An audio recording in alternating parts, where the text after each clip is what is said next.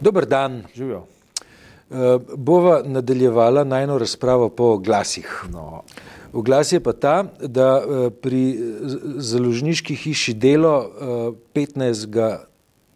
decembra izide knjiga Let nad zmajevim gnezdom Zorane Bakovič. Zbirka čudovitih esejev, ki so že bili objavljeni v sobotni prilogi na zadnji strani v zadnjih petih letih in je to čudovito še enkrat prebrati. Kje se, kje se da to naročiti? Če pogledate na drugo stran sobotne priloge, boste najdli kontaktne številke oziroma naročnine afna.delo.si. E, lokalne volitve, oglasi so končani. Ja. Lokalne volitve. Tisto, kar je meni nekje najbolj zanimivo, so mestne občine. Ne? V prvem krogu so v mestnih občinah kar prepričljivo zmagovali dosedanji župani. V primeru, da se dosedanji župani v prvem krogu niso bili izvoljeni, se je zgodilo nekaj nenavadnega. Ne? Vsi po vrsti, ki so se potegovali za ponovitev županske funkcije v drugem krogu, tam zgubijo. Ne? Kot da bi nekako tako se dogajalo, ne, da javnost, volilno telo dobi sporočilo, župan, ki v prvem krogu ne more zmagati, je utrujen, si zasluži, da dobi odpravnino. Si zasluži, da se od njega poslovimo in potem sledijo preobrati v Kopru in še, in še, še v kakšnem mestu se to zgodi, ne, recimo Slovenj Gradcu in tako naprej. Druga poanta, ki jaz vidim, ne, je, je kar, kar zanimiv uspeh socialdemokratov v mestnih občinah. Štiri občine so osvojili od enajstih, če govorimo o županih, medtem ko SLS, izven parlamentarna stranka, še vedno ohranja primat po tem, koliko županov ima v, v, v, v, v občinah, ki pa ne, so, so vse po vrsti manjše. Ne. Tako da neko novost vidim ne, pri letošnjih volitvah v tem, da se je zlasti v mestnih občinah županska struktura kar dobro zamenjala. Zakaj? Zakaj do tega prihaja? Saj si pravzaprav povedal že. Če to rezimiramo, mislim, kar, kar sem jaz razmišljal, pa kar, kar, kar bi poskušal pol privezati v eno drugo politiko, je to, mislim, v nadnacionalno ali pa supranacionalno politiko, na Evropsko unijo, pa na logiko uh, sodobnih družb. Jaz rekel to, da na lokalni ravni ljudje bolj razume svoje interese, kot pa na, na supranacionalnih ali pa celo nacionalnih ravneh. Ne. Uh, to zavedanje, da imajo uh, politika in volitve um, močan vpliv na njihovo uh, neposredno življenje, je tokrat bil pa res izrazita. Ne, ker to, kar smo tudi zapisali tam v šmarjeških toplicah pa v Kopru je šlo dobesedno za kliše, da vsak glas šteje.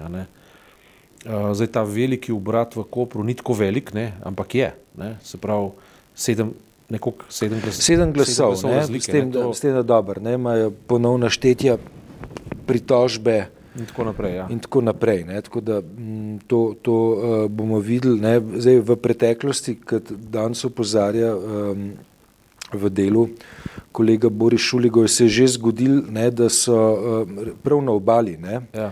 um, zaradi pritožbe in um, nejasnih datumov na glasovnicah um, že razglašeno zmagovalko pospremili ven iz. Um, A kje bo to v Izoli? V Izoli ne, je, je uh, Breda Pečan, ki je bila razglas, razglašena za, za županjo po sodnih eh, pritožbah morala župansko eh, pisarno zapustiti in je eh, se not v selu Tomislav Klokočovnik. Ne? Razlika ne, je bila pa m, spet nekaj glasov. Um, zdelo se je, ne, da je um, županja zmagala z dvema glasovama razlike. Uh -huh. uh, vendar je potem uh, sodišče razveljavilo glasove, ki so prišli po pošti, čež da je evidenca ne, ne dovolj jasna, ne, uh -huh. kdaj je to bilo poslano. Ne. Tako da um, mislim, meni, je, meni je po svoje, ne, veš, ta poanta, da vsak glas šteje in da um, ima posameznik z odločitvijo, da gre na volišče, ta poanta mi je všeč. Ne. To je dobra zdi, ne, ker se mi zdi, da uh, sporoča slehrnemu volilcu, ne, da s tem, ko prije na volišče, uh, lahko ne, v ne povsem zgolj teoretičnih okoliščinah, pa, pač pa zdaj že ne parkrat ponovljenih, čisto realnih okoliščinah, vpliva na to, kdo bo vodil občino. Ja, seveda. Sej to je, uh, vem, na eni strani imamo populizem, ki je v bistvu zlorabljanje ljudstva za manipulacijo oziroma za neke strahove, ekonomijo strahov, na drugi strani imamo pa dejansko željo po neposrednem upravljanju uh, v družbi in politiki, kar naj bi imelo neposreden impakt na naša življenja. Recimo, to je zdaj zelo lepo vidno v Parizu, Skratka, ja. v, v Franciji, kjer, kjer dejansko uh, se spet dogaja ene, ene sorte revolucija, taka največja po letu 68 pravijo in ima zelo jasno sporočilo, ne, hočemo, da naš glas šteje. Ne. Hočemo, da, ampak ne sam naš glas na volitvah, ampak da naš glas v smislu razumite, kaj so naše potrebe, razumite, kaj uh, mi hočemo in, in delajte za naše dobro. Ne. Seveda tam imajo strukturni problem zelo velik, ne. Uh, tam ni nič črno-belo, v Parizu že ne. Mislim, ni črno-belo zaradi tega, ker je um, že, že zaradi tega, ker če osnovno konfiguracijo francoskega problema pogledamo, moramo upoštevati tri točke. Ja. Prvič, ne, socialno stisko ljudi, ja. Eh, ki so prizadeti zaradi napovedi uh, dviga cen goriva. Ja. Drugič, um, uh, ekološko situacijo, ki ne, na nek način zahteva, da človeštvo, če morda zveni patetično, ne, ampak da človeštvo vendarle uh, sprejme določene neprijetne odločitve vezane na fosilna goriva in tretja točka ne, je pa neenakost. Ne, neenakost, ki eh, nas prepelje do tega, ne, da si bogati lahko privoščijo zelo drag električni avto znamke Tesla, ne, delujejo uh, skrajno ekološko, vsaj zdi se tako, ne, uh, medtem ko uh, siromaki še vedno uh, tankajo uh, svoje um, stare Citroene ali pa Peugeote ali pa Renault na dizel in uh, jih je groza, ker, uh, ker se jim cene goriv dvigujejo. Med drugim tudi zaradi tega, ker Eh, klimatski vrh v Katovicah priporoča, da je treba vendarle nekaj storiti z cenami fosilnih goriv oziroma jih dvigati zato, da, da planet ne propade. Ne. In je tako mm, neka situacija, ki je, uh, ki je zelo, zelo daleč od, od enoznačne, ne. V redu, ne, zdaj, manifestira se med drugim tudi s tem, da, da gorijo avtomobili, ampak tle gre vendarle tudi za, za neko uporniško tradicijo v Franciji, ki že desetletja predpostavlja, da ko je upor, avto zagori. Ne.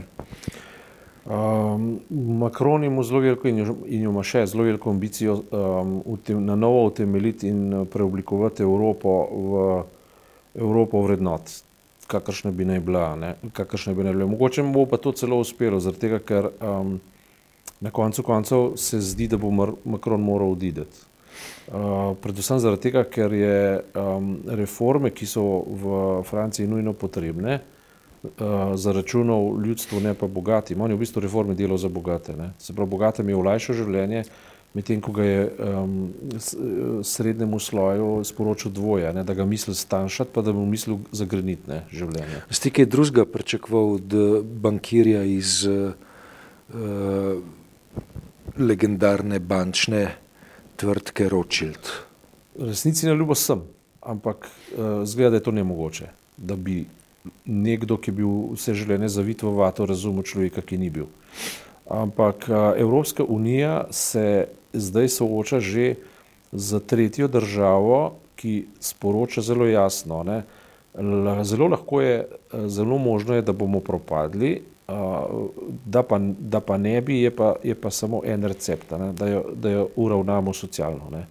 Je Italija na tem, Anglija je že svoje sporočila z Brexitom, ki ima nepremostljive težave, tudi Italija drvi v, v nepremostljive težave in Francija ima uh, spo, zelo močna sporočila, ki so blizu tistim iz leta 68, pa še bolj pa tiste iz leta 1789.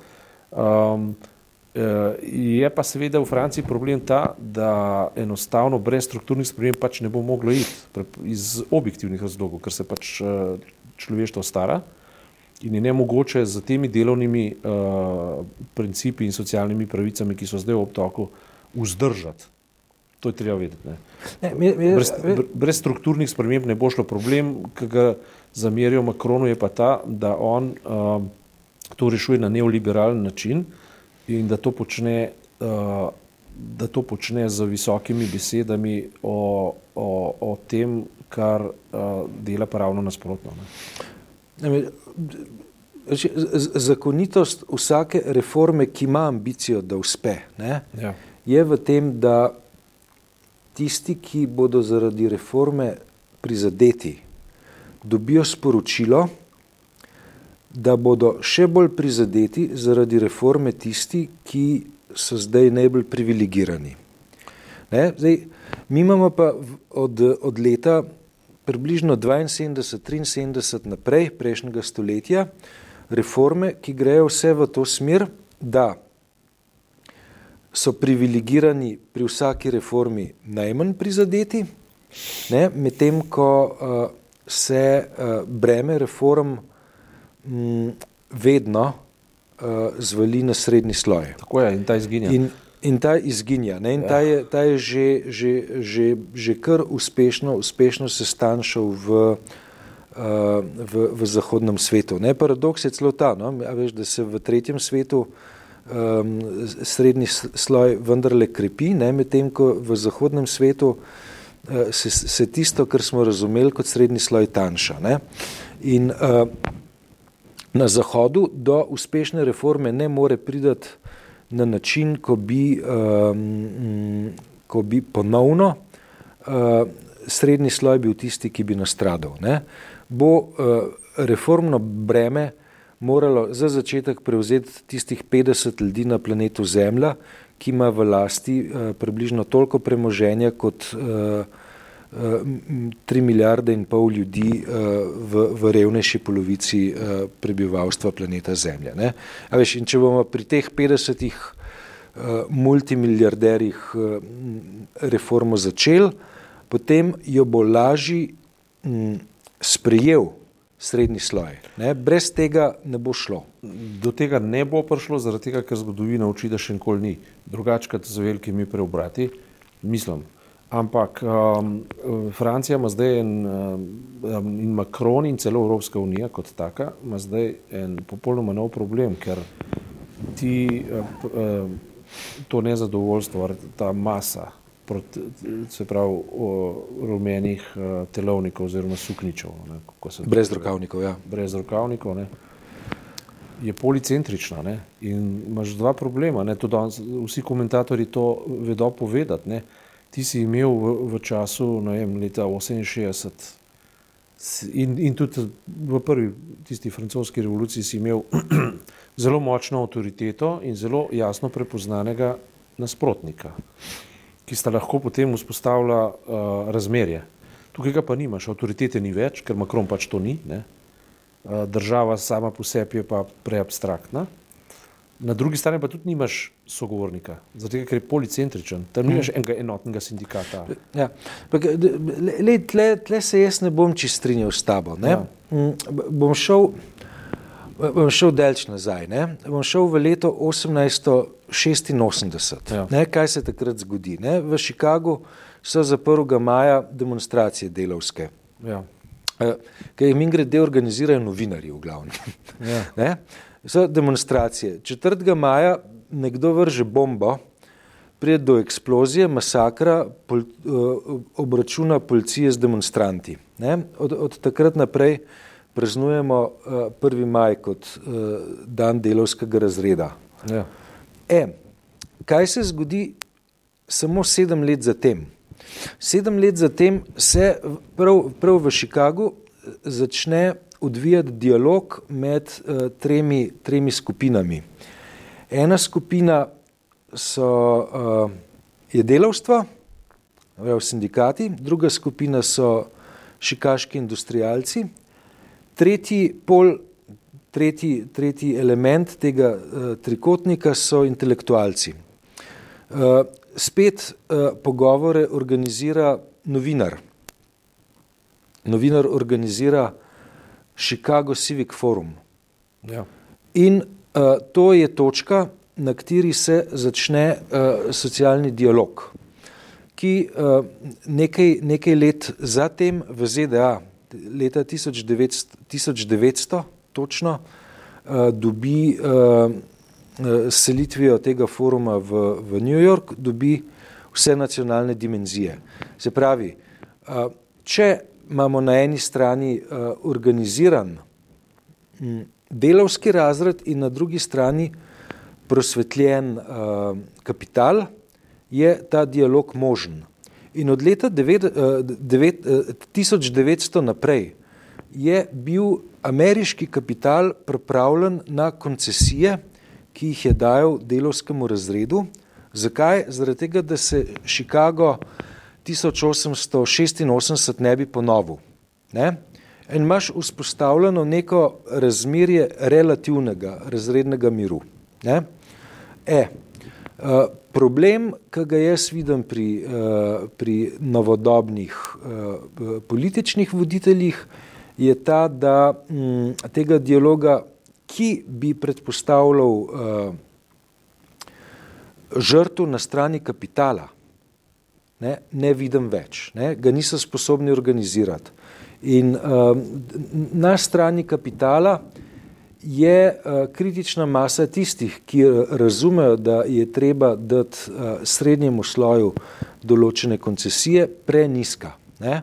In zaradi tega uh, zadeva pele v, uh, v uh, povečevanje napetosti, ki lahko pripelje tudi do tega, da zadeva poč. Ne.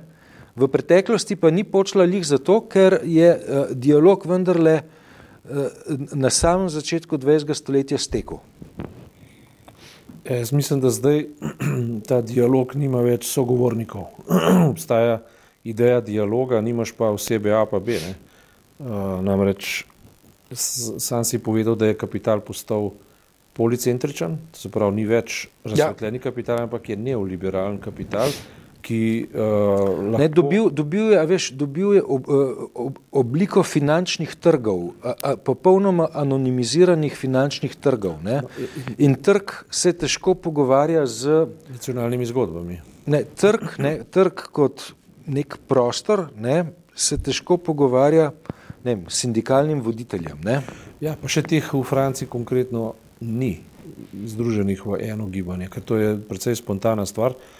In tudi uh, stvar je tako policentrična, da je že na nek način strašljiva, ampak je pa sporočilo Evropski uniji, da če hoče zdržati svojo enotnost, enotnost pa je uh, pod vidikom nekih vrednot, potem mora te vrednote definirati. In te, in, in te vrednote ne morejo biti definirane pod uh, žarometom reform, ki rešujejo bogate oziroma ki rešujejo kapital, izražujemo proizvodno na, na mesto ljudi. Ne.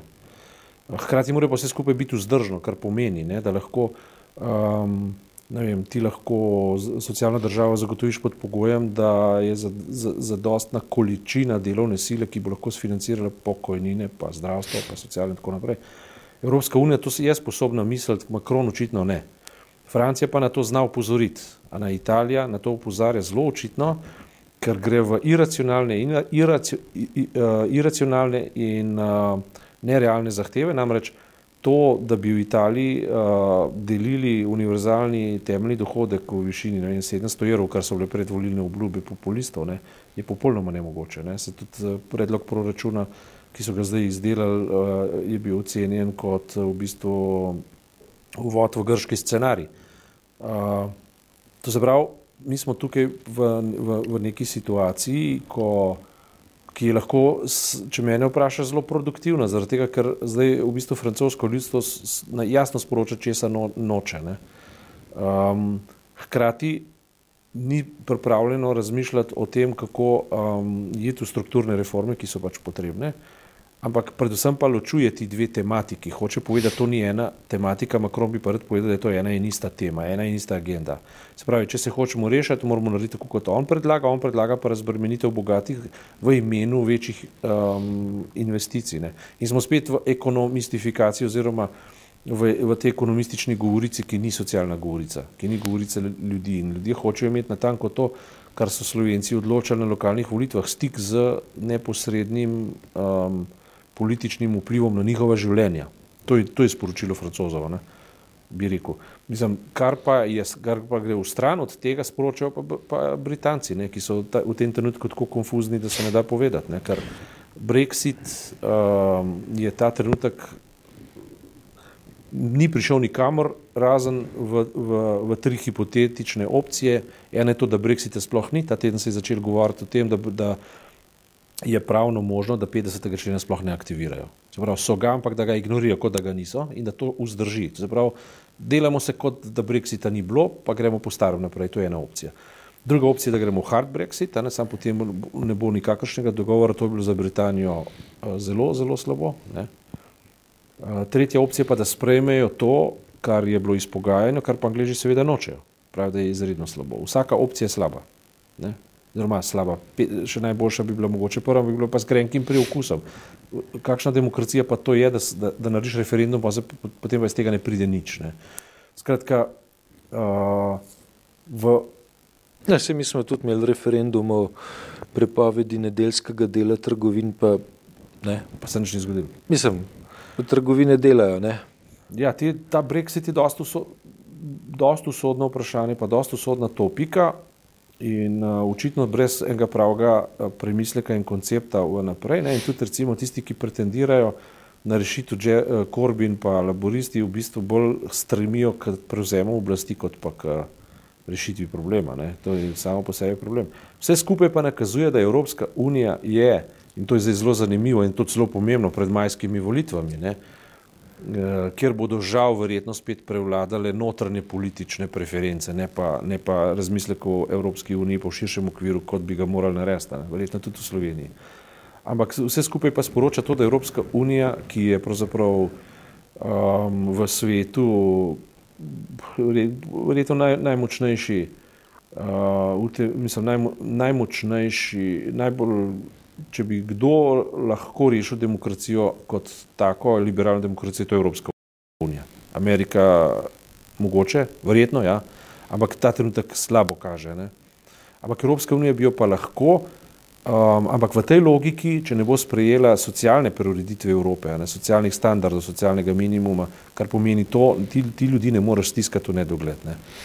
Um, ljudje preprosto morajo priti do, do, do svojega minimuma blaginje, pa srednji sloj oziroma ljudje morajo preprosto preživeti, no, čistko. Uh, kar pomeni, te debate bodo morale steči, sicer bo Evropska unija razpadla, nastal bo ene, en, en, ene sorte kaos, ki je pa seveda vedno nepredvidljiv. Lahko je produktiven, lahko ne, ampak vzame lahko ogromno časa. In um, jaz ne vidim druge, kot to, da bom na koncu koncev Macron moral oditi uh, v Franciji gledano. Uh, ker način, kako, kako se zdaj spoprijema z, z dialogom, je to, da je zamrznil um, davke, ne, ki jih je najavil. Ne. To ni rešitev, zato ker vsi vedo povedati, ki poznajo Francijo, da, da, se, da se ljudje za to ne bodo čist nič umirili, oni hočejo enostavno uh, preureditev dru, države in družbe tako, da bo spet njihova, ne pa da bo eminentno služila neoliberalni ideologiji. To je očitno. Ne? In Macron dejansko na eni strani izgovarja pravilne besede o Evropi, svetu in vseh teh stvarih, na drugi strani pa ravna, ravno nasprotno tega. Ne? Na svojem terenu. Na svojem terenu, ja. ja. Hvala za tokrat.